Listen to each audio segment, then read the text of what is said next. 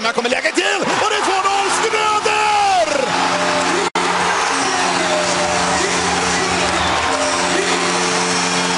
Och stället går bananas!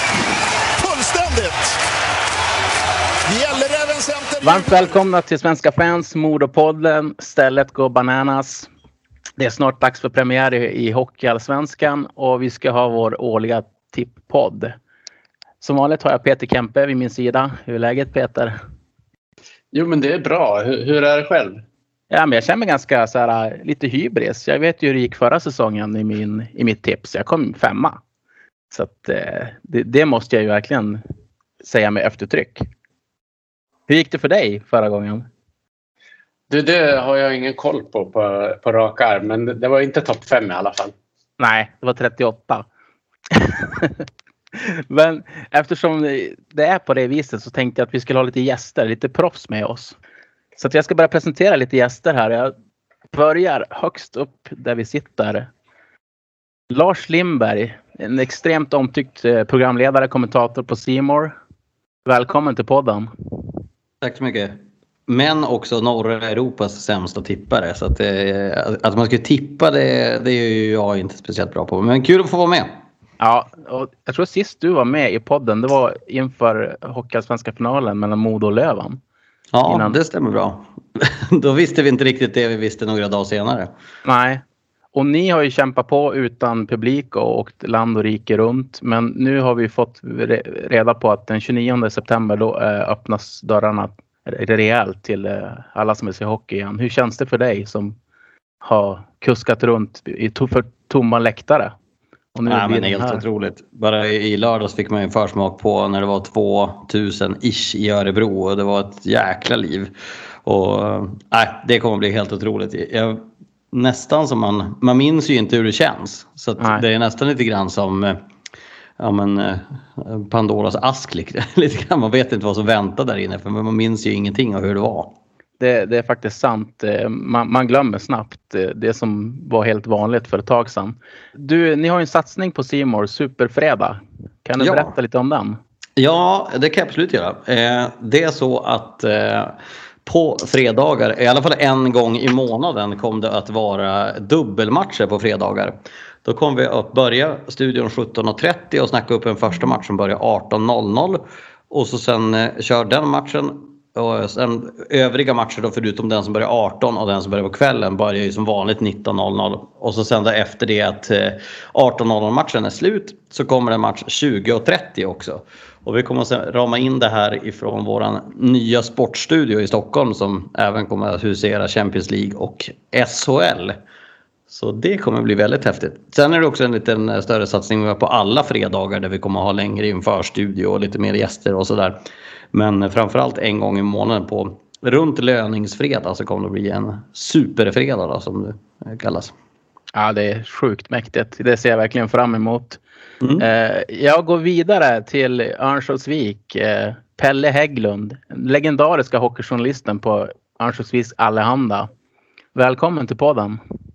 Tack. Jag vet inte om legendarisk betyder gammal, men ja, jag har varit med ett tag i alla fall.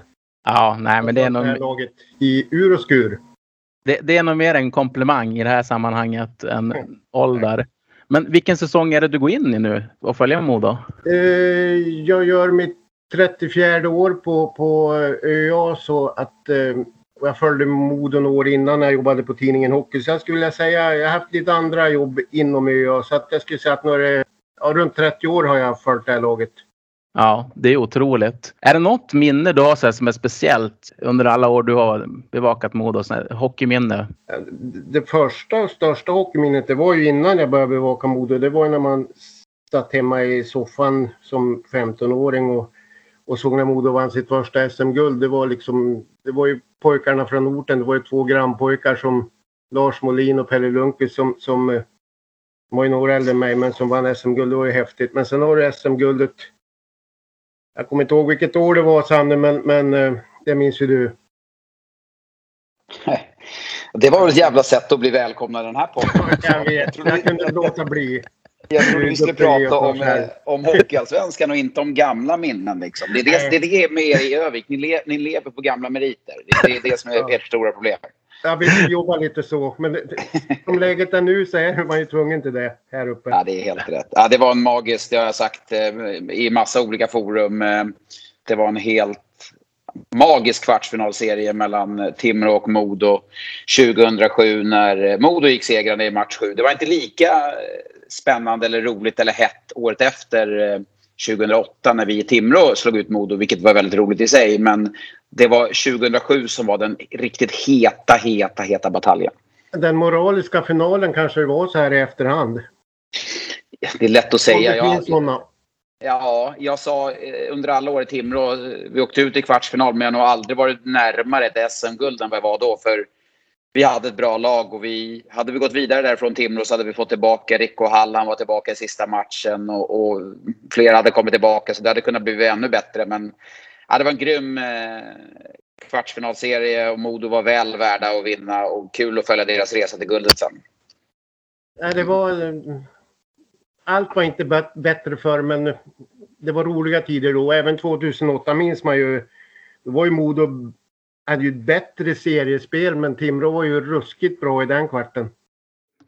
Så var det. Men, men eh, ja, nu är du outad och välkommen Sanne, till.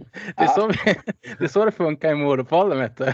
Ja, nej, men det var kul. Nej, men det är, gamla minnen, det är alltid roligt att prata om. Man blir, ja, man blir glad av gamla minnen. Även det här som var eh, tråkigt för oss i Timrå på den tiden. Så det är ändå ett, någonting jag bär med mig min hockeykarriär och är väldigt stolt över att ha fått vara, del av den. För det är inte ofta att hela hockey-Sveriges blickar riktas mot Västernorrland där den hetaste och bästa hockeyn spelar. För så var det faktiskt under den kvartsfinalserien. Mm. De bästa domarna var på de matcherna. Jag kommer ihåg Winneborg var där. Alltså, de bytte ut domare, men de skulle ha de bästa där. För det var där det var hetast. eh, Det var där de stora snackisarna var. Så att, det, att Hockey-Sverige riktade blickarna dit, dit emot. Det var läckert att få vara en del av det. Du har ju en fin spelarkarriär. Timrå, Färjestad, Rapperswil, Tre Kronor och så Huddinge. Jag visste att jag var tvungen att ta med Huddinge annars skulle det... Ja, Skulle du bli arg? verkligen. Ja, verkligen. Nej, Framförallt efter den starten. Ja, precis. exakt. Jag var tvungen att väga upp det nu. Nej, det min dröm är att Huddinge går upp i, i SHL och, eh, eller i Hockeyallsvenskan och får möta Modo där. Det hade, varit, det hade varit läckert faktiskt. Jag har faktiskt sett Huddinge möta Modo i Björkingshallen 1986 eh, när, om det var 85 eller 86 där, när, när Modo var nere i Hockeyallsvenskan där och spelade. Det var, ja, det var också ett härligt minne. Mm. Du bevakar ju mest eh, SHL, men jag vet att du tittar väldigt mycket på Hockeyallsvenskan, Sanne. Eh, Ja, det är det enda sättet man får umgås med Lars Lindberg nu för tiden. Det är ju faktiskt att titta på onsdagar och fredagar när han, när han är i rutan där.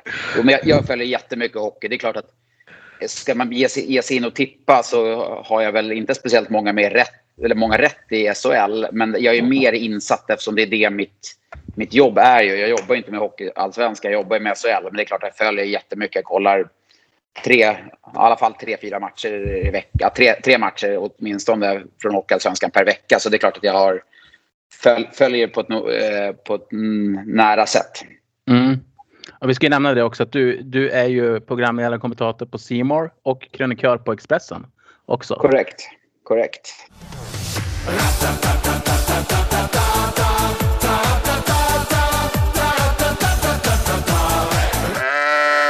Ja men nu, då har vi klarat av välkomnandet. Eh, varmt välkomna. Jätteroligt att ni är med i Modopodden.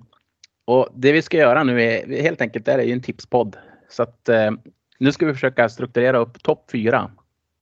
Vad vi tror. Eller framförallt vad ni tror. Vad jag och Peter tror det är ganska ointressant just nu.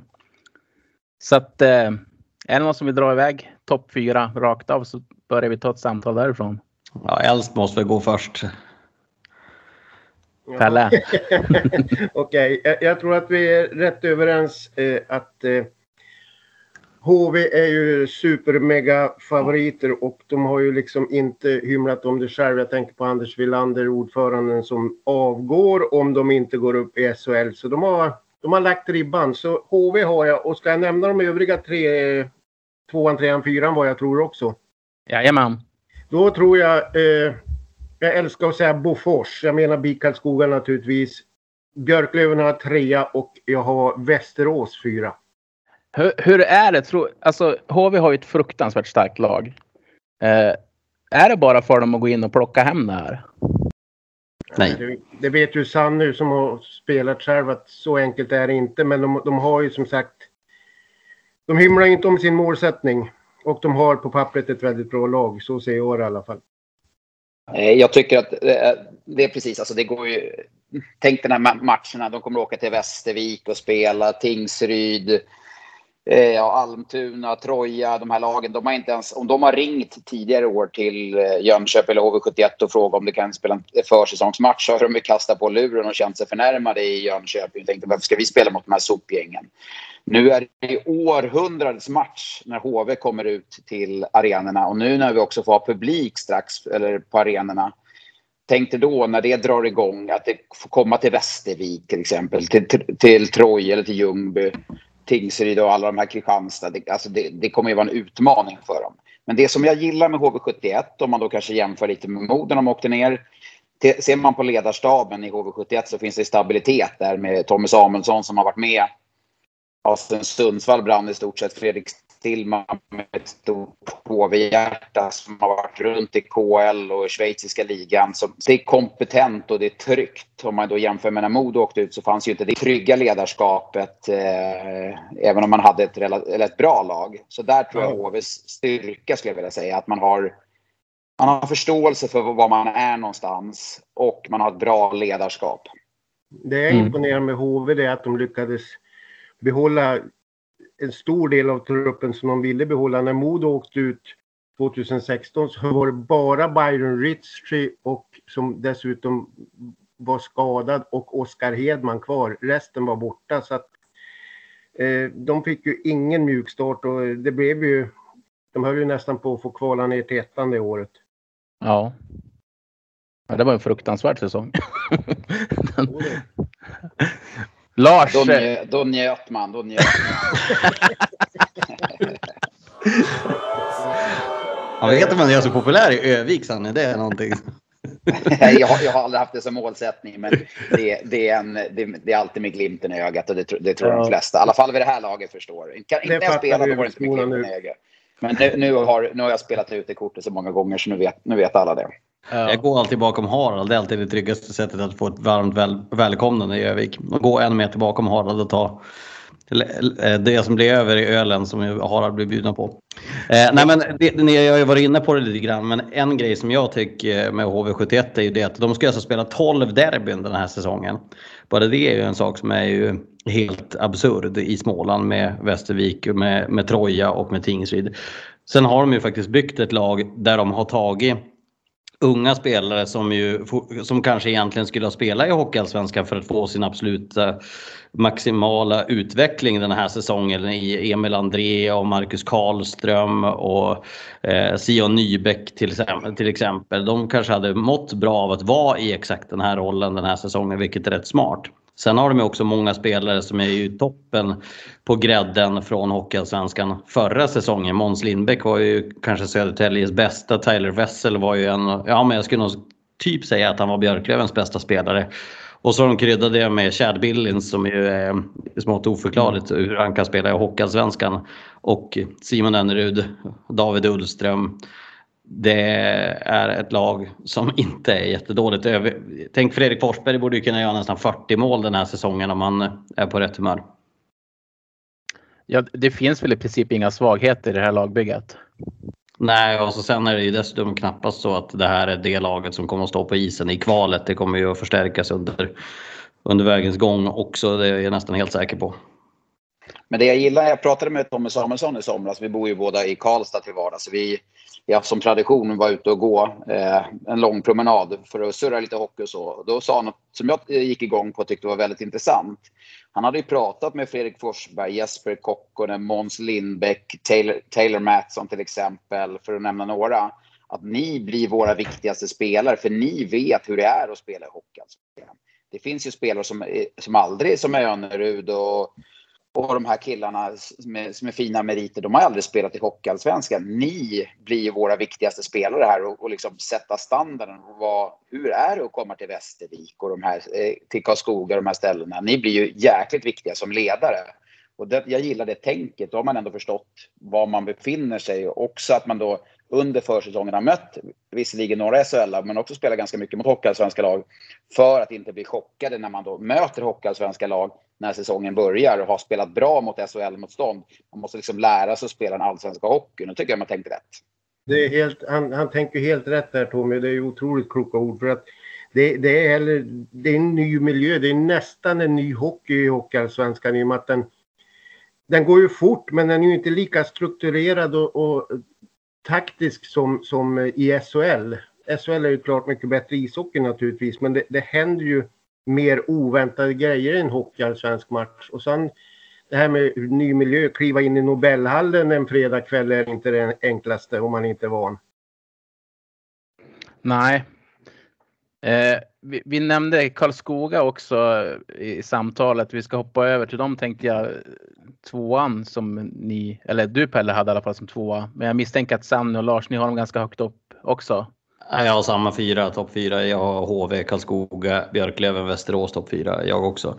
Men det är väl egentligen det stora testet. Can they do it a rainy, snowy, delayed game in Karlskoga on a Wednesday? Ja. Det, det, finns ju något sånt där uttryck i Premier League. Yes, but can they do it a rainy night in Stoke on a Wednesday eller något sånt där. Och det är väl frågan. Men, men har, ni, har, bara, har ni räknat bort Södertälje och Mora till exempel? Och, det, och även eh, ert eget, eller inte ditt, men Modo? Alltså, jag skulle vilja säga att det är... Man pratar ju om SHL, eh, att det är väldigt, väldigt jämnt. Jag skulle vilja säga att det är sju lag som gör upp bakom HV71 om man då sätter dem som etta. Västerås, Björklöven, vi har Mora, vi har Södertälje, Modo och Karlskoga. Och där pulserar AIK lite där bakom. Mm. Det är ju en jäkla spännande hockeyallsvenska vi har. Det, får, det, måste man ändå nämna. För jag är nyfiken på Mora om de kan fortsätta som de gjorde i fjol. Och därför Södertälje likaså tycker jag de har byggt något jättefint. Får in Tobias Lindberg, Colin Smith till exempel. Alexander Anderberg. Alltså, det känns, de har någonting på gång. Så jag, jag sticker ändå ut hakan och säger HV71, Västerås, Södertälje och Mora topp 4. Mm. Vad sa du? HV71, Västerås, Mora? Och Södertälje. Jaha, spännande. Ja, och Björklöven, de, de, de är ju för första gången sedan Kente kom dit, de, de smyger lite i bakvattnet. Det är inte så många som pratar om dem och det kanske kan passa dem ganska bra. Eh, jag var på SCA-cupen i helgen och fick se Mora två gånger och jag måste säga jag var väldigt imponerad av, av laget och eh, även Johan Hedbergs mod. Han, han är inte rädd för att matcha unga spelare och ge dem möjligheten att göra ett misstag men att få, få chansen igen. Alltså Mora såg jättepigga ut. De gjorde en kanonmatch mot Björklöven, var lite trötta i benen mot Modo men de ser bra ut. Och eh, jag snackade lite med Nubben Norberg som, som säger att han tycker att Björklövens forwardsida är betydligt vassare idag än vad den var förra säsongen. Han tycker de har bättre bredd. Så att jag håller med Sanny, det kommer bli ett getingbo det här. Mm, jag skulle nog vilja ha med AIK lite högre upp. Alltså jag tycker att AIK ser, ser riktigt spännande ut. Jag vet inte riktigt på vems bekostnad men jag tycker att man har hittat något spännande i hemvändarfesten. En backsida som är ganska intressant med så unga inslag. Malte Setkov kan ta nästa steg. Timo Nickel, vad får han för utveckling?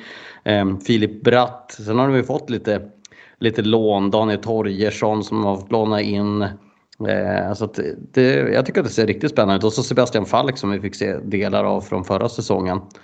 Och så då såklart med Christian Sandberg tillbaka. Jag, jag, tror faktiskt på, på AIK kan vara Ja men eh, det är som Sanny säger, det är väl sju, åtta lag där någonstans. Så sen att ranka dem. De flesta har väl HV som ganska klar favorit men sen där bakom är det jäkligt tajt. Ja, men jag tänker just på AIK. Visst, för de pratade man ju lite grann om i fjol också att de skulle bli farliga och man, man har väl lagt in lite pengar. De hade någon finansiär som kom i fjol, eller minns ja, jag fel? Det, det, är samma personer som har räddat dem i alla, alla år och tider. Ja. Men, men eh, jag tycker att de har fått tillbaka ja, men, sådana som står för att vara AIK som ju är bra i AIK också. Plus att mm. Axel Wemmenborg, vad kan han göra när han får lite större roll i, i Hockeyallsvenskan från, från SHL? Jag vet inte hur höga förväntningar man ska ha på en sån spelare när han tar, hoppar ner ett jack efter att ha varit i SHL flera säsonger i Malmö. Men jag tycker att det ser spännande ut. Det är väl målvaktssidan. Jag vet inte. Det där Komchenko, målvakten, har jag ju ingen som helst koll på sen tidigare. Men sen också spännande tycker jag med när man får in Alexander Deilert där. Alltså, du får ändå rätt stabil kärntrupp när du får in Deilert som ändå är en, i Hockeyallsvenskan mått mätt en, en toppback. Mm. Du får in då den kaptenen som man har saknat då, Christian Sandberg som är hjärtat och pulsen där. Och det har väl kanske varit lite, även om det varit hemvändare, det har väl varit lite bekvämt sådär i AIK ibland. Men det blir det ju inte när Christian Sandberg är i AIK. För han sätter ju en standard dagligdags. Så det är en lysande värvning som de har gjort där. Topp fyra på Västerås både för Pelle och Lars. Sanne, du har Västerås tvåa. Eh, ni är överens om att Västerås kommer komma högt den här säsongen. Vad är det, vad är det som de har gjort bra? Vad är det, vad är det som de har gjort som att de pratas om ett topplag nu? Den, den, stora grejen är att de har ju fått hela, hela Västerås att, eh, och hela Västmanland att, eh, att köpa den här satsningen. De har ju fått i princip varenda företag i hela Västerås har gått från silver till guldsponsor eh, eller från guld till diamant eller liksom hur deras sponsornivåer nu ser ut. Men det, tycker hela sommaren har man sett på sociala medier att Västerås har gått ut med en ny guld eller diamantsponsor. De har ju varit väldigt tydliga med att de har ökat budgeten en hel del och så ett ganska rejält ja, eh, slag för bröstet när man slänger in Johan Gustafsson och Daniel Gunnarsson i det här laget med deras meriter. Jag menar Johan Gustafsson stod i en SM-final för någon månad sedan. Får behålla Jimmy Jansson. Sen har de gjort en rejäl, eh, ja en, en rensning helt enkelt. De skickar ju bort spelare som ändå har varit där ganska länge och som har, har varit lite kulturbärare i klubben och verkligen rensa för att få in en hel del intressant. Jag menar Mattias From känner ju alla Övik igen. Mm. Mikael Frycklund är tillbaka. Man får in Alexander Lavois som är en poängspelare på den här nivån. Anton Svensson som var tillsammans med Ludvig Larsson och Timrås första kedja de bästa spelarna i Hockeyallsvenskan efter jul. Så det är inga dåliga förvärv man har fått in. Just det, där är ju väldigt bra Anton Svensson där som du, som du, som du nämner där Lars. Att liksom, att han då efter, han har 56 poäng i, i Tingsryd i fjol, väljer att gå till Västerås. Det tyder ju ändå på att han, han vet att han kanske behöver en riktigt bra säsong. Gå från ett, med all respekt från Tingsryd, men ett lag som förväntas ligga i toppen för att ta nästa steg. Och att Västerås då limmar in honom i laguppställningen, det är ju ja, det är, det är, det är en stark värvning på hockeyallsvensk nivå. Ja, det ser onekligen väldigt intressant ut i Västerås, det håller jag med om. Pelle, jag tänkte fråga dig en sak. Ja. Björka, Henrik Björklund. Vet du hur det gick där eh, med Modo? Gav inte Modo honom tillräckligt bra deal eller var det det att han ville hem? Alltså när det handlar om pengar då har jag noll insyn. Och jag antar att Modo ville ha honom kvar för annars eh, kan man inte sitt jobb. Men jag, jag, vad jag hört så vill han hemåt Värmland. Och, eh, men, men alltså det Björka gör i, i Karlskoga är ju fruktansvärt imponerande och han kommer mm. ju han kommer ju ösa in poäng i år också framförallt i powerplay och han är ju en ledare och han är en vinnarskalle och han är en grinig jävel på ett bra sätt. Så att han är otroligt viktig för, för Karlskoga och han hade varit lika viktig i Modo om han hade varit kvar. Han, det pratas mycket om Tambellini och Jonathan Jonsson och de försvann och Karla men, men Björka hade en enormt stor del i Modos framgång just inställningsmässigt. En besvärlig jäkel att möta helt enkelt.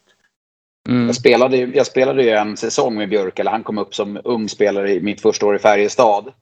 Och just det där jobbiga jäkel, han hade en jäkla attityd på träningar och, och match. Han var absolut inte den som, på den här tiden som tränade hårdast. Han var inte oseriös på något sätt. Men när det var träning, alltså han var så tjurig och grinig. Och du vet, kommer det upp en junior på den här tiden, då skulle ju, inte att de skulle veta sin plats, men det var ju ändå att man man reagerade när det kom upp någon jävel skulle köra över en sådär. Men han, han, han körde på bra. Han har haft en fin resa i Hockeyallsvenskan. och Det tyder väl ändå, han hade faktiskt bud från utlandet och det var, fanns SHL-intresse. Jag tror inte det kanske kom något helt konkret, vilket egentligen på sitt sätt är konstigt.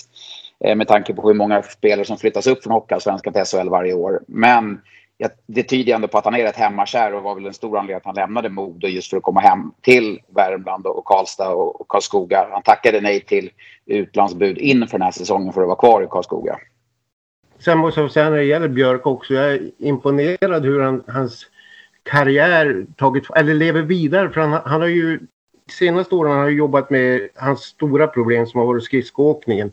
Han har ju han är ju betydligt bättre skridskoåkare idag än vad han till exempel var för tre år sedan. Även om han inte är någon eh, konståkare på isen om du förstår vad jag menar. Någon, någon, eller Mattias From. Men, men han, han har utvecklat sin skridskoåkning och det är imponerande i 30-årsåldern. Det, alltså i slutspelet också, jag menar den serien mot Björklöven med, med de skadorna som Karlskoga hade på, på Daggen, på Filip Roos, Willem Westlund. De hade ju, ja det var säkert ett gäng till också. Tim Juel, första målvakten var borta. Men eh, Henrik Björklund, han var ju så omänskligt bra i den där semifinalserien så att eh, han själv tillsammans med Gustav Torell och Linus Karlsson i den kedjan hade ju i princip det var ju i princip de mot Björklöven och de gjorde det ju vansinnigt bra. Jag hörde också en rolig notis om Karlskoga när de gick på is i år. Det är också väldigt mycket Karlskoga. Att när de hade tränat i två veckor, de gick ju på is lite tidigare än många av de hockeyallsvenska lagen i princip samtidigt som SHL-lagen. Och då fick jag höra rapporter där från Karlskoga som sa det att när de hade tränat i två veckor som sa att nu måste vi fixa en match. Alltså, annars, annars kommer det vara slagsmål på varenda träning. Det går inte att träna för de är så förbannade på varandra. Ja, det, det, det summerar ju Karlskoga. Varför är det tufft att komma dit? Och de, Karlskoga är ju imponerande. Alltså, även om de tappar spelare år efter år så är de med där i toppen. Och det känns ju rätt tufft att i mitt fall räkna bort dem från topp fyra. För att de är ju alltid där uppe och hugger ändå. Men som jag är inne på så är det sju lag som det står med bakom HV71 som fruktansvärt rolig hockeyallsvenska ser jag fram emot i år. Ska vi göra så att vi går vidare till eh, det som vi tror är de lagen som är alldeles bakom då och jagar och flämtar. Ska vi börja med dig Lars, att du får dra nummer 5 till 8. Ja, man fick ju tydligen ha åtta lag i topp fyra här nu på nästan när jag tippar så jag vet inte hur många man får med här. Får man, med, får man resten med då? Hel, helgardera. Man helgarderar. Det är som när, när man spelar lott och man får extra nummer. ja, nej, men jag, håller, jag håller ju helt och hållet med med att, att topp åtta egentligen är ju åtta lag sticker ut och är givna. Sen är det sex lag som är ganska klart bakom dem. Mm. Om man ska se till ranking är min känsla. Sen vet vi också med Hockeyallsvenskan att det är alltid ett lag som kommer dunder och floppa och som kommer ha det jättejobbigt. Vi kan väl prata lite senare om vilket lag som riskerar att vara där.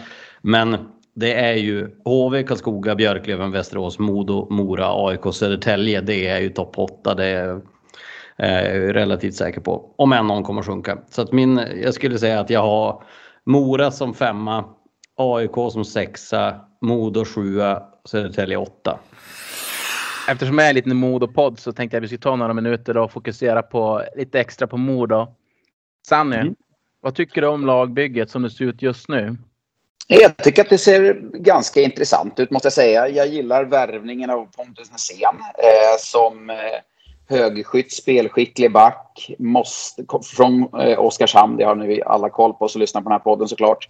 Eh, var faktiskt den första Oskarshamnsspelaren någonsin att få spela i Tre Kronor. Och hade ju en jättefin höst. Sen gick han helt in i väggen och den negativa utvecklingen han hade, det är ju nog bland det märkligaste jag sett.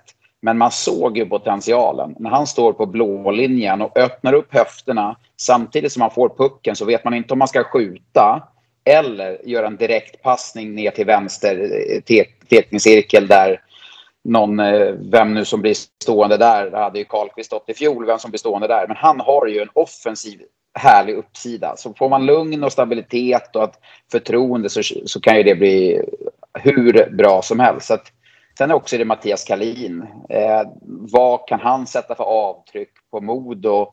Eh, Henrik Gradin som sportchef, Niklas Norgren som junioransvarig. Du har ändå liksom en, en kärna som nog trivs ganska bra i, tillsammans. Och Niklas Norgren känner jag, det är en tjurig jävel. Vilket jag säger med en positiv andemening. Kalin har ju bevisat vad han kan. Hen Henrik Gradin har ju varit runt nu som scout i Colorado. Alltså, det är ändå att samla på sig lite erfarenhet och det som alla, de har ju ett modohjärta. Eh, så det, ska bli, det ska bli intressant att följa det här Modo 7.0 eller vad vi nu ska säga, det lagbygget. eller så. Men eh, det, man kan nog få lite stabilitet nu. Det vart ju rörigt i fjol såklart när Björn Hellkvist eh, lockades av Leksand och man stod lite med byxorna nere där. Men mm. eh, nu känns det som man har ett spännande ledarteam. Ett relativt bra lagbygge utan att på något sätt ha ett krav att vara ett topplag så, så är man med fullt och kommer hugga på topp 4-placeringarna. Pelle, målvaktssidan i Modo har ju varit lite frågetecken. När man kollar på lag, lagbygget som Modo har i år så är det målvaktssidan sidan som sticker ut som kanske den svagaste. Ja, jag håller med för att målvaktssidan eh, har man inte fått någon bild av än i och med att eh, Isak Wallin kom ju från en hemsk säsong i fjol med tre stycken division 1-matcher. Eh, inte jobbade med målvaktstränare, var liksom utanför i Mora. Kommer hit, börjar om, har rätt lång väg att gå och sen är ju tanken att Tex Williamson ska vara första målvakt. Men han åkte på covid och har varit risig och han kommer inte spela i genrepet på torsdag heller. Även om rapporterna nu idag säger att han är på rätt väg. Men han, han eh, var i så dålig form på grund av den här eländiga sjukdomen att han gick ner mm. sju kilo på, på någon vecka. Han, eh, ja, pingislunga, ingen ork alls. Och eh, han fick börja om sin säsong egentligen för tre veckor sedan. Så han, han är en bit efter. Och det är därför de har lånat in Niklas Lundström nu. Så ja, Modos målvaktssida är är än så länge ett stort frågetecken. Kan han bli kvar Pelle eller Niklas Lundström? Vad, vad är snacket där? Eh, alltså jag har inte hört något mer än, men jag har en egen teori och det är att han blir inte kvar på grund av att Modo vill inte eh, använda ett SHL-lån eh, så här tidigt. Utan de hoppas att Tex och Isak ska, ska lösa det här eh, i början och sen kan ju ske förändringar längre fram beroende på lite hur hur Modo mår den här hösten. Men jag gissar att de har is i magen och eh, inte behåller Niklas Lundström. Men det, det är min högst personliga gissning. Mm. Lars, vad tror du om Modo? Hur, hur analyserar du lagbygget? Ja, starkare än i fjol tycker jag. Eh, en backsida som ju ser intressant ut. Det är lite svårt att veta vad man får av vissa som kommer från, från SHL i, i Valberg, i, Bernhardt bland annat. Men eh, Nässén håller med Sanne om det. Det tror jag kan bli en toppback i den här ligan om det vill sig väl. Framåt så känns det som att det är eh, ja, men lite starkare än i fjol. Jag gillar Erik Karlsson-värvningen, den är smart. Marcus Modigs gillar jag också. Sen eh, med transatlanterna, de här Vigno Woods och McMasters så får vi ju se jag tycker att man ska vara lite sparsam och bedöma dem på försäsongen. Man vet aldrig riktigt, riktigt hur det där ser ut när tempot vrids upp och det, det börjar gälla någonting. Men ja, spännande och bättre än i fjol men sen inte tillräckligt bra för topp 4 tror jag. Inte med det här laget just nu i alla fall. Mm. Jag får tillägga, jag, jag har Modo sexa i mitt tips efter Mora på femte plats och jag känner att alltså, det viktigaste för Modo i år, det de har förändrat mest, det är ju dels är det ju tränarstaben med, med Mattias Karlin och att det är ett annat lugn inne på kansliet. För uh, tidigare år har man ju fått höra att de ska tillbaka på en gång oavsett hur truppen har sett ut. Nu används faktiskt ordet tålamod på ett helt annat sätt, vilket inte har funnits i Modos vokabulär tidigare, åtminstone inte sedan tidigt 2000-tal. Så att eh, det är det tror jag är någonting som gynnar Modo, att de, de, har fått lite lugn och ro nu och tänker ge Kalin och Gradin och även Jonas Holmström tid med det här lagbygget. Och sen måste jag också säga att Mattias Kalin är ju... Alltså, Modo var ju hela havet stormar i fjol med Ville Nieminen. Det, det är alltså den märkligaste rekrytering som någonsin har gjorts. Han eh, fick inte ordning på någonting och sen blev det väldigt synd om Per Styv som skulle baxa upp bussen som hade kört i diket. Nu, nu får Kalin bygga nytt. Han får, har fått handplocka sina spelare. Och sen eh, är han ju en taktiker. En liten, liten grej som hände nu i SHL-cupen. Andra perioden mot Mora. Modo är alltså utspelad, sitter fast i egen zon i fem minuter. Eh, Kalin tar timeout. Förändrar någonting så att Eh, nästa byte gör Modo 3-2 eller 2-1. Så att han, han, har, han har en taktisk blick och sen hamnar de inte i den fällan och mer sen. Så att eh, ja, det blir en lång utläggning det där. Ja, men det är intressant. Vi ska hoppa vidare och vi kanske ska göra så här. Därför att eh, det är nästan lättast och lite mer tidseffektivt. Vi, vi hoppar direkt till de två lagen som vi tror kommer vara på botten. Vilka får problem i år, tror ni? Vill du börja nu, Sanni? Ja, det är... Eh, det är, det är, fy, ja, det är egentligen fem lag där. Alltså, om, man bara... Almtuna tror jag kommer bara, eh, hamna i ingenmansland. Sen har du Troja, Kristianstad, Vita Hästen, Tingsryd, Västervik. Eh, eh, och jag får väl säga, jag tror att det blir Västervik och Tingsryd. Eh, Alltså Tingsryd har ju tappat en del. De bygger nytt. De har en tendens att få ihop det. Västervik har ju fått ihop det jättebra. Men utan Mattias Kalin som har varit liksom kittet där så Ja, jag, jag är tveksam om de får ihop det. Det kan bli ett rejält platt fall för Västervik eh, i år. Så att, eh, här och nu får jag nog ändå säga Tingsryd och Västervik. Ja, Pelle? Eh, Jag säger Vita Hästen och Troja. Mycket beroende på att Troja kan jag väldigt dåligt med att de kommer från division 1. De borde få det tufft. De har inte kryddat med eh, jättehäftiga spelare. Jag tänker Bröderna Öhman som var i Modo och var marginalspelare här för några år sedan. Så att, eh, Troja känns... Och sen Vita Hästen. Alltså helt ärligt. Eh, förra säsongen så eh, Vita Hästen var okej. men det berodde på att man hade Marcus Sörensen halva säsongen. Jag har inte sett Mm. en spelare vara så dominant i, i Hockeyallsvenskan i fjol som Sörensen var. Han gjorde allt i det laget. Han var fruktansvärd. Ja, och jag tror att, jag tror att hästen kommer att få problem i år. Jag, ja, känslan säger det. Mm. Och spelar han ju också 27 minuter per match. Tänk vad, hur bra han hade varit om han hade fått vila ibland mellan, mellan bytena. Ja, Eh. han, han, han tog dominera. Han, alltså, han, Mm. var, han var ett monster. Ja. Ja. Ja, Han var fruktansvärt väldigt bra. Ska jag tillägga. Jag att han var fruktansvärd. Om jag hade tippat Almtuna och eh, Almtuna och Kristianstad, då har vi tagit alla sex bottenlagen att åka ur. Då, har vi som helgarderat där också. Nej men Ja. jag, jag tycker att det är sjukt svårt. Alltså jag, jag är helt inne på att Sannys linje om att Västervik utan Kalin, det kan bli en riktig baksmälla. Mm. Eh, Troja tror jag har faktiskt... Västervik som åtta. Nu vet ni det också. Asså, du ser Ja, det. jag har faktiskt AIK nia. Så, Så lågt ner. Det är skämskudde i- framåt vårkanten men det är känslan jag har. Ja. Ja. Det tror jag inte alls är dumt. Eh, nej men jag tror faktiskt att Kristianstad klarar sig i år. Jag tror, jag tror faktiskt på Vita Hästen och Troja åker ur också. Jag, ja, det är jämnt där nere. Det är ju... Ja, det är svårt. Men jag säger Vita Hästen och Troja jag också. Håller ni med mig om jag påstår det här att tidigare säsonger i Hockeyallsvenskan, i alla fall så, så länge jag har sett som Moda har varit där, då har man kunnat prata om tre, fyra topplag och sen ett skikt som kommer där under. Men i år känns det precis som vi börjar med lite grann att det är typ åtta topplag eller eventuella lag som kan vara där uppe på topp fyra. Och sen är det eh, ganska långt ner till, i alla fall när man tittar på papperna och sånt, vilka spelare man har till de andra lagen.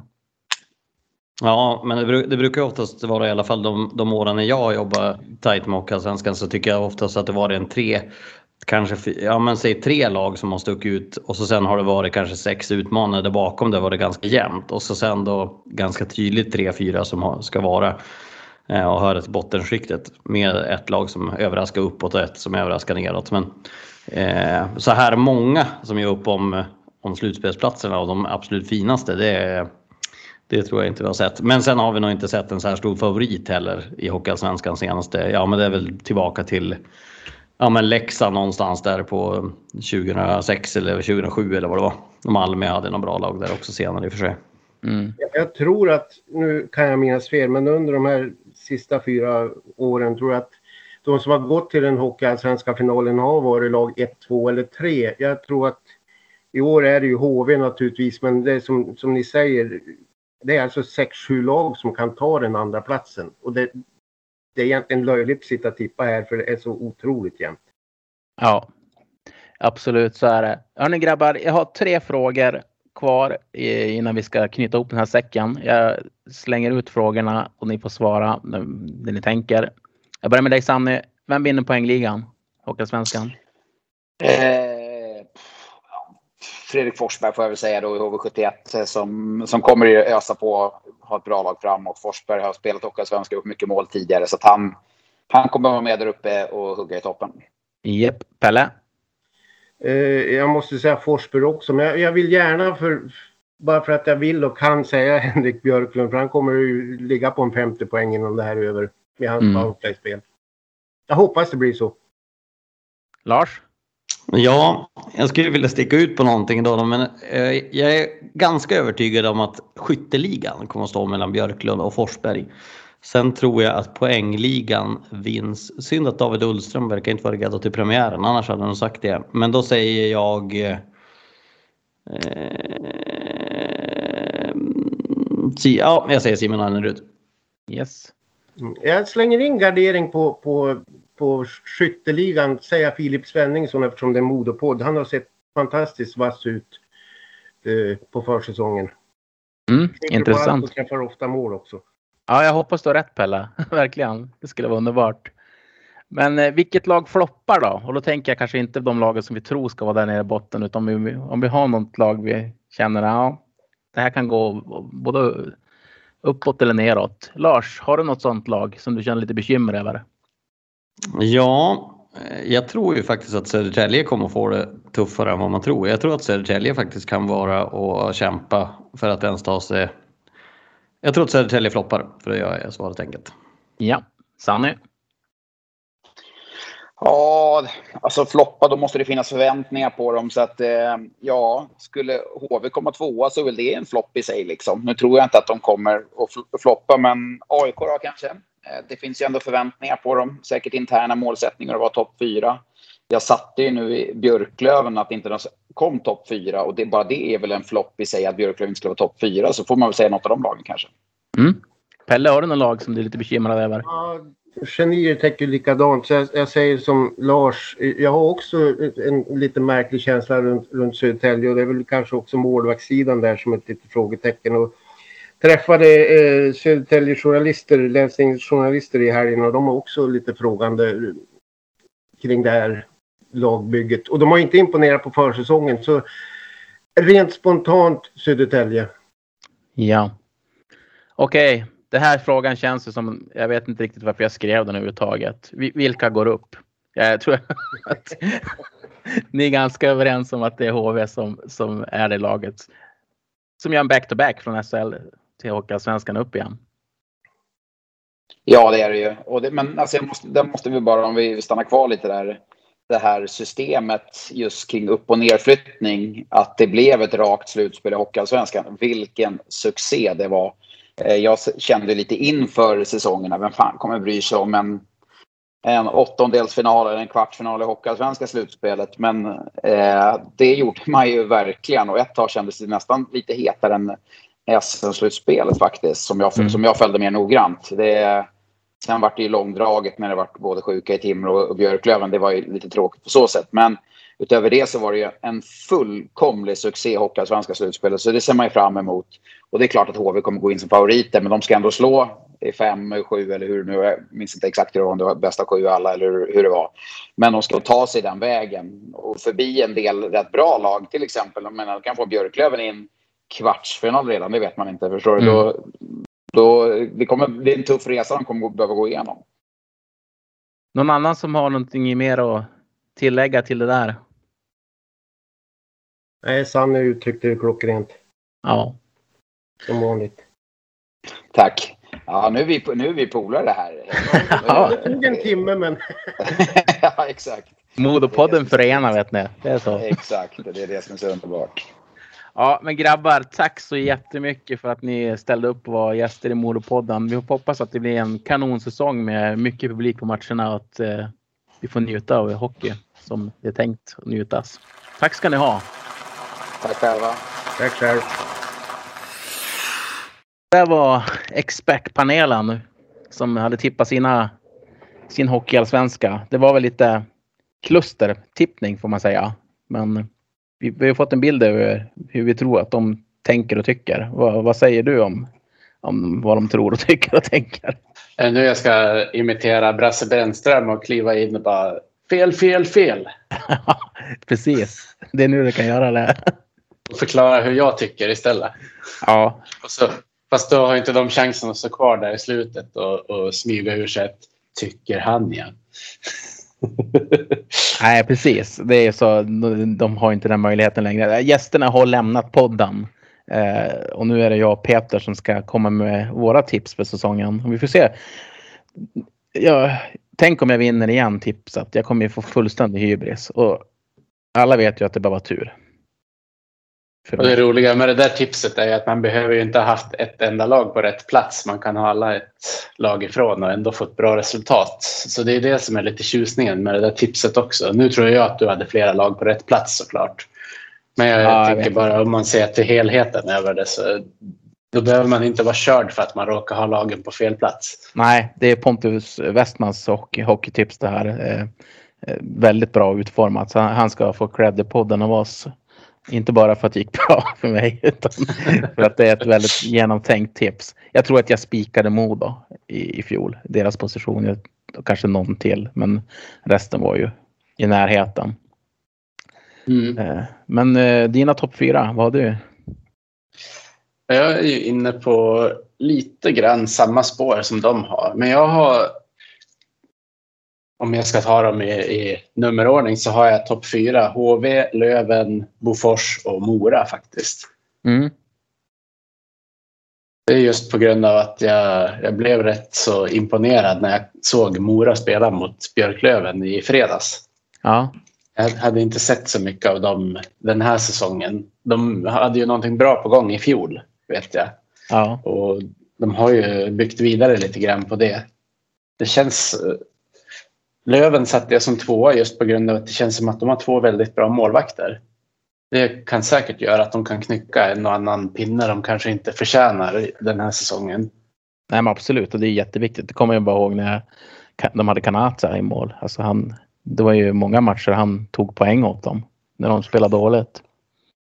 Oh ja. Fram tills de började läsa sönder honom lagom till slutspelet. Men då Ja. hade de ett så bra lag som helhet så de tog sig ändå till den där finalen mot Modo innan allt avbröts. Så, ja, absolut. Alltså jag skulle vilja tippa om hela, hela mitt tips. Men jag måste ju stå vid det här nu. Har HV, Bofors, Karlskoga, Västerås, AIK har jag puttat upp på fjärde plats. Just det, jag hade ju AIK ganska högt i fjol vet jag och blev otroligt besviken på dem. Ja, men det är ett sånt där lag som jag tycker har haft mycket förväntningar på sig som de inte har levt upp till. Ehm, jag tänkte att i år kanske saker och ting börjar stämma för dem. Men eh, jag vet inte riktigt varför jag tänker så. Men det är det som är intressant när man sitter och tippar och läser igenom sådär. Ibland är det ju så att man har ett lag över. Men ja, man vet inte riktigt vart man ska sätta dem. Man vet vilka man ska ha på vissa platser men man vet inte vart man ska sätta just det laget. Så vart det lite med AIK för mig det här året men vi kommer till dem om en liten stund. Mm. Vi hoppar vidare då till eh, plats 4 eller 50, 58. Vad har du där? Mm. Västerås, Södertälje, Modo och AIK. Eh, när jag eh, var med i den här hockeyallsvenska panelen så hade jag Modo på femte plats. Ja. Det var innan, innan det blev klart med hur eh, pass men, sjuk Tex Williamson hade varit. Mm. Eh, Jag skrev i och för sig i panelen om lånet av Niklas Lundström men då hade jag mitt tips klart i, i huvudet redan att de skulle kunna komma femma. Nu blev det i och med osäkerheten på målvaktssituationen att jag satte Modo som på en sjunde plats istället. För jag kan inte se att de kommer före Västerås med den osäkerheten som är just nu. Och Södertälje vet man ju aldrig riktigt vart man har någonstans. Jag tror Nej. att de kan komma topp sex det här året och då är det just sjätteplatsen över. Jag har eh, Modo, alltså från femma då. Modo femma, Björklöven sexa, Södertälje sjua och Mora åtta. Och det är väl här jag känner att eh, ja, det är Där, där hade du både Björklöven och Mora lågt. väldigt lågt. Väldigt, väldigt lågt. Och egentligen skulle jag kanske vilja dra, dra upp Mora på AIKs plats och Björklöven på Modos plats. Men, Ja, men om, om vi säger att vi skulle sätta pengar på den tabellen skulle du kunna tjäna bra på om du får in den. Ja, ruggigt bra. Jag, jag tror jag levde lite grann i gamla föreställningar när jag tippade här. Och just kring Mora. Alltså de har ju tagit enorma steg under Johan Hedberg.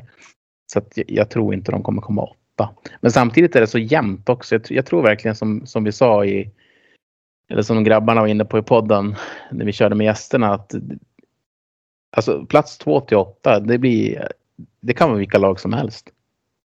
Ja, du sa ju det när vi spelade in våran senaste podd tillsammans också att Hockeyallsvenskan 21-22 är den enda säsongen där alla lag kommer komma på övre halvan.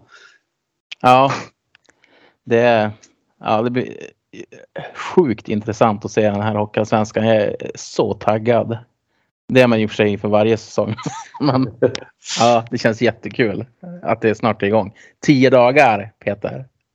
Mm. och sen har du två stycken eh, möten mellan, eh, eller vi får väl kalla det för Mattias Karlin-derby. Ja. Det, det ska också bli väldigt intressant att det blev den lottningen att Modo börjar med två matcher mot Västervik. Ja. Det, det är jättehäftigt att det blev så. Eh, Okej, vi tar lag 9 till 12. Vad har du som kommer där? 9 till 12 känns ju som en stor jäkla chansning. Um, men jag, jag har tagit Västervik som nia. Mm. Sen har vi Tingsryd på tionde plats. Det känns ändå som de har någonting som gör att de inte kommer vara inblandade i bottenstriden. Sen satte jag Vita Hästen som elva just på grund av att de har fått tillbaka Jesper Samuelsson och Marcus Eriksson tillsammans till den här säsongen. Mm. Deras powerplay med de två brukar ju vara fruktat och det tror jag kan göra att de kan vinna en del matcher. Mot, Absolut. Ja, men, en del jämna matcher och så. Ja. Och tolva satte jag Almtuna. Vi, vi har samma fyra lag där. Lite annorlunda ordning och jag bara. Jag har Tingsryd 9, Västervik 10, Almtuna 11 och Vita Hästen 12. Så att jag tror att de, de lagen klarar sig från de sista positionerna. Och då misstänker jag att vi har likadana i slutet här. Kristianstad och Troja åker ur. Ja, eller får kvala om och åka ur i alla fall. Ja, kvala. Men jag Ja. tror att de åker ur också. Det är ju... Men det, det är ju, de två möter ju varandra i ett slutspel, precis som i SHL. Mm. Så båda kan inte åka ur. Nej, nej, jag, jag säger Troja. Jag tror Troja åker ur. Ja, just det. Du sa båda lagen, så därför jag inte Nej, jag tror att det, det är de två sista lagen, Kristianstad och Troja. Och, och Troja åker ur. Ja, ja då, då hänger jag med vad, du sa för någonting. Ja, jag var lite Ja, alltså, jag har satt eh, Kristianstad som, som sist, men ja, det känns som att vilket som helst av dem kan åka ut. Ja, absolut. Ja. Så, så är det ju. Ja, det, det kan ju vara ja, men som eh, Sanne var inne på. Det kanske är Västervik som åker ur. Utan Kalin så faller korthuset. Eh, man vet aldrig. Det är det som är så intressant med tipppoddarna. Det har ju ingen betydelse egentligen vad vi sitter och tycker och tänker. De ska ändå spela om saken. Måste de det? Kan de inte bara gå efter våra tips? Ja, men då måste jag ju tippa Modo högre. ja, jag också för den delen. Ja, nej men jag tror att eh, om vi fokuserar lite på Modo bara en kort stund. Eh, jag är väldigt nöjd med, med hur man byggt laget från centrar. Eh, jag tycker att både McMaster, Sam Vigneault och Erik Karlsson är riktigt bra värvningar. Som bara antagligen kommer bli bättre och bättre också ju längre säsongen lider. Så att jag, jag, jag, jag tror att de kommer Modo kommer komma mer och mer under säsongen. Och sen kommer säkert det, även den här truppen att spetsas lite grann. Under resans gång. Ja, de är, det är ju ingen hemlighet att man är ute efter en rightare som ska spela högt upp i kedjehierarkin. Eh, Men eh, jag tycker att expertpanelen har missat en grej Mm. i, när det handlar om just Modo. Det tror, jag tror att Marcus Modigs kommer vara inblandad eh, bland eh, bästa poängplockarna. Ja, Jag, tror, tyck, jag så, såg honom ja, men de här matcherna live som var förra veckan och tycker att han har alla verktyg för att producera mycket poäng. Han är jäkligt smart, duktig på att skapa chanser och vet när han ska skjuta. Det är bara det, bara det att eh, matcherna som har varit hittills så har han ju inte fått till siktet på skotten. Jag tror kanske inte att han kommer att toppa målligan men han har alla verktyg för att vara med i toppen av, av målligan. Sen ligger man bra till där och har bra, ja men, som man brukar säga på engelska, bra vision. Då kan man ju plocka många poäng också. ja, det ska bli jätteintressant att följa honom. Eh, Egentligen hela Så- första kedjan känns väldigt intressant med Woods, McMaster och Modigs.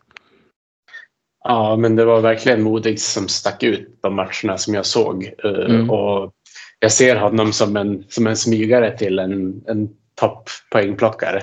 Ja, spännande. Intressant. Ja, jag har inte sett dem så mycket. Jag har bara sett, det enda jag har sett är matchen mot Timrå. Under försäsongen. Mm. Så jag har inte hunnit kika någonting i princip. Så jag, jag får, jag, jag håller med dig. Ja. Och sen kan det ju vara ett litet tips eh, att gå in på Svenska fans och lyssna på mina korta intervjuer som jag gjorde när jag var på plats också om ni inte har gjort det redan.